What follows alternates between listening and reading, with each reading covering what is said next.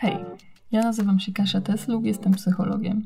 W tym podcaście, który nazwałam Godfulness, chciałam opowiedzieć, jak doświadczać Boga pełniej i bardziej uważnie przez pryzmat emocji i troski o swoje życie wewnętrzne. Dziś opowiem o radości.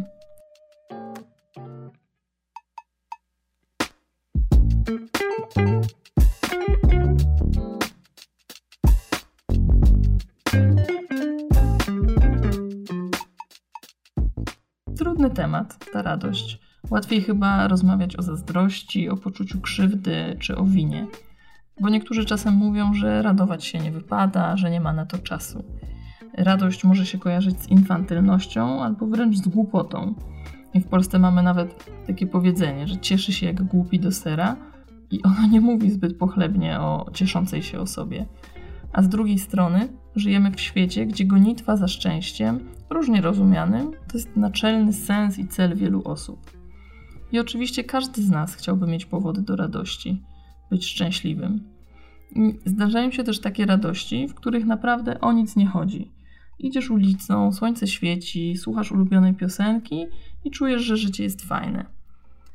Ale jest też jeszcze inne oblicze radości, czy takiej raczej pseudo-radości, zamknięte w zdaniu kupuj, posiadaj, no a będziesz się radować. Więc mówiąc krótko, radość niejedno ma imię. I po co człowiekowi w ogóle ta radość? Bo to jest bardzo wyraźnie y, odczuwalnym, symbolicznym wręcz, wręcz doznaniem tego, no, że życie ma sens, że jest się kimś wartościowym. I radość mówi: dasz sobie radę, jest w porządku, i sprawia, że mamy chwilę na oddech, poszerza naszą perspektywę, motywuje do działania. Pytanie, czy wiesz, co ci sprawia tą radość? I psycholog i, i profesor Bartłomiej Dobroczyński mówi tak, że problem większości ludzi polega na tym, że kompletnie siebie nie znają, że żyją na autopilocie i że dziś jesteśmy ciągle w biegu, w szkole, w pracy, ciągle w swojej głowie, no a nie da się poznać siebie jedynie rozmyślając, że trzeba się zaangażować w działanie – i chcesz się dowiedzieć, czy pisanie sprawia ci frajdę? Pisz. Chcesz wiedzieć, czy umiesz się wspinać po górach? Wspinaj się. No, że nie ma innej drogi, że tylko w realnej sytuacji możemy się dowiedzieć, co nas nakręca, co nas zniechęca, w jaki sposób upadamy i jak się podnosimy, co dodaje nam energii, a co ją zabiera. Ale mówiąc o radości, jakby nie sposób nie wspomnieć o szczęściu. I w psychologii jest cały nurt nazywany psychologią pozytywną, która rozumie szczęście nie tylko hedonistycznie, no ale też jako wartość powstającą na skutek pewnego postępowania, czyli naszego sposobu życia. I badania nad szczęściem no, pozwoliły ustalić, że każdy z nas ma stały poziom szczęścia, który można nazwać takim stanem wyjściowym.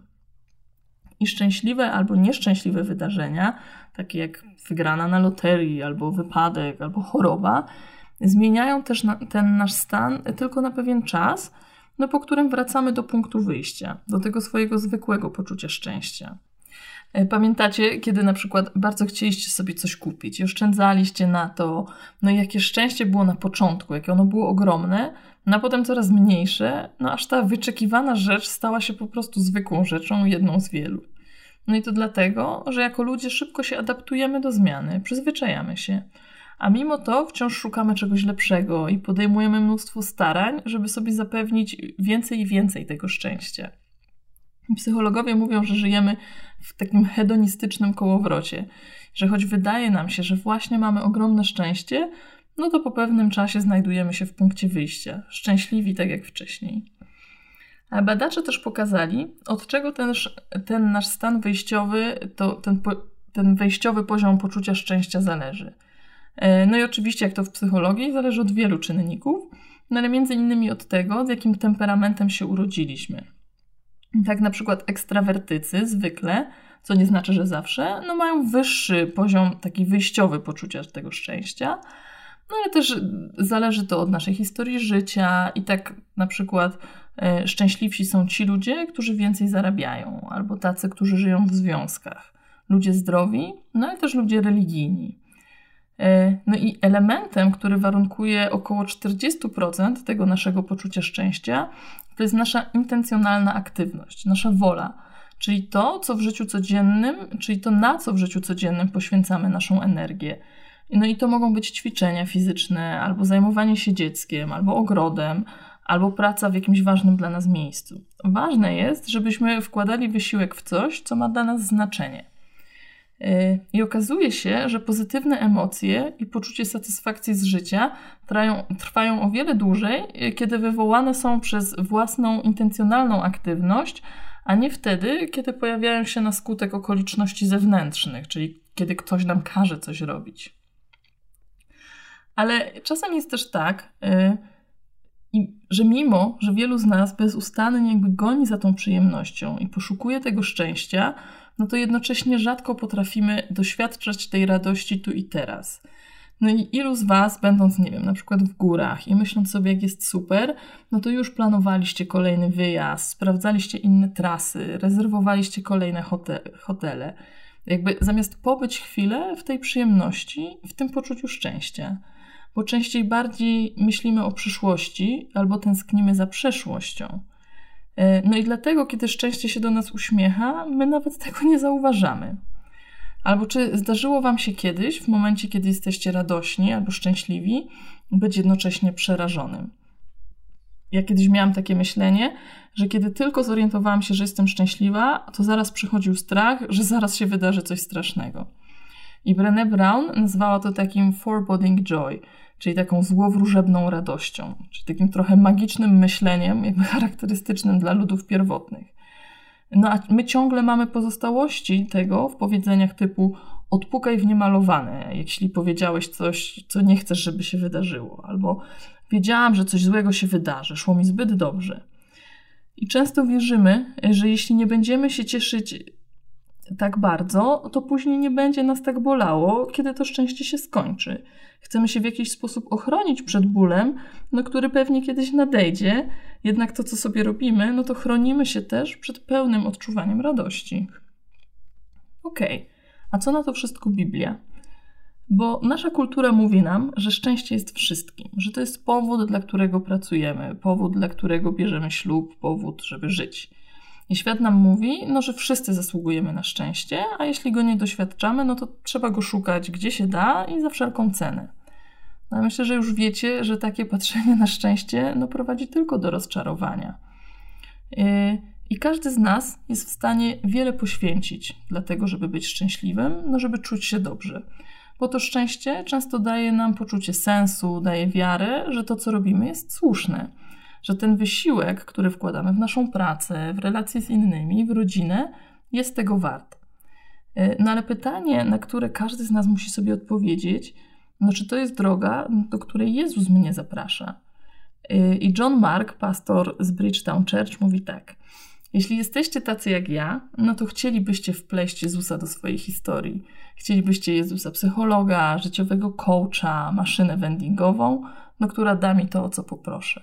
Jezus pobłogosławi moje pomysły, mój plan na następne pięć lat, moją karierę. No ale to tak nie działa. To jest recepta na frustrację, na złość, na wypalenie zawodowe. E, I jego planem nie jest sprawienie, żebym była zdrowa, bogata czy mądra. No, on jest ukrzyżowanym Mesjaszem, który został skazany na śmierć przez imperatora po tym, jak powiedział: Chodź, weź swój krzyż i zostań moim uczniem. I Jezus nas wzywa, żebyśmy nauczyli się być ludźmi w całkiem nowy sposób. Jak żyć w nowej rzeczywistości z Bogiem, no, którą On nazwał królestwem. Więc naszym zadaniem nie jest wpleść Jezusa w naszą historię, ale wpleść nas w historię Jezusa.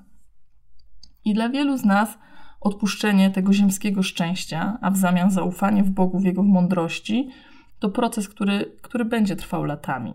To będą trudne momenty, kiedy będziecie musieli czasem w irracjonalny sposób rezygnować z rzeczy, które się wydają dobre i ważne i fajne.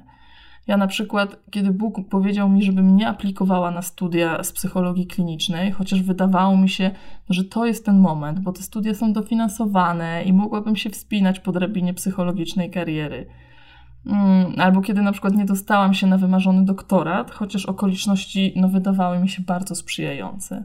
To to nie są rzeczy, które, które są łatwe do przeżycia, ani łatwe do zrozumienia. No ale jeśli ufam w jego mądrość i w jego szeroką perspektywę, to jestem w stanie być posłuszna no i nie pogrążać się w smutku czy zgorzknieniu, no ale dalej łapać te dobre momenty.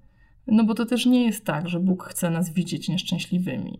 On stworzył piękny świat, przyrodę, pyszne jedzenie, związki, stworzył miłość i On nie chce, żebyśmy byli nieszczęśliwi, ale żebyśmy mu ufali, żebyśmy ufali w to, że jego szczęście jest więcej warte niż to często złudne ziemskie.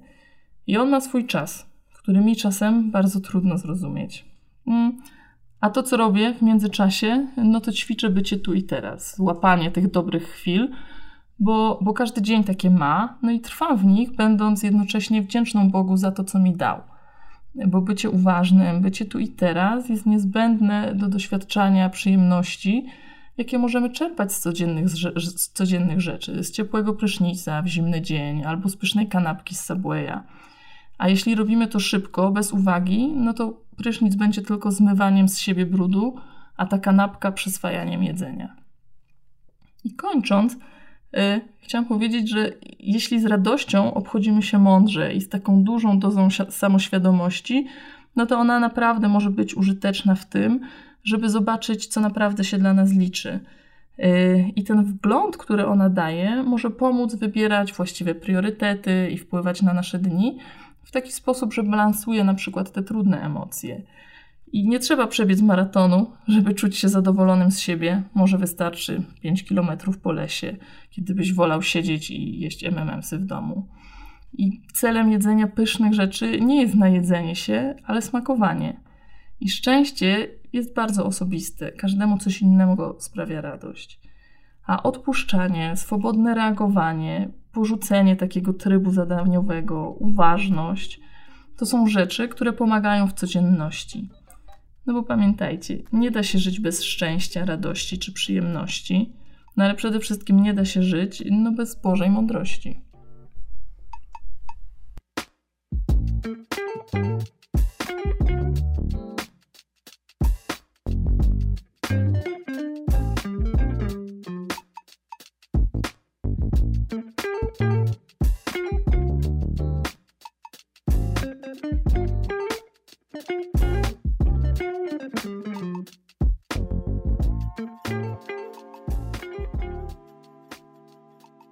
Jeżeli dosłuchałeś do końca, to po pierwsze super, cieszę się, że podoba Ci się nasza muzyczka.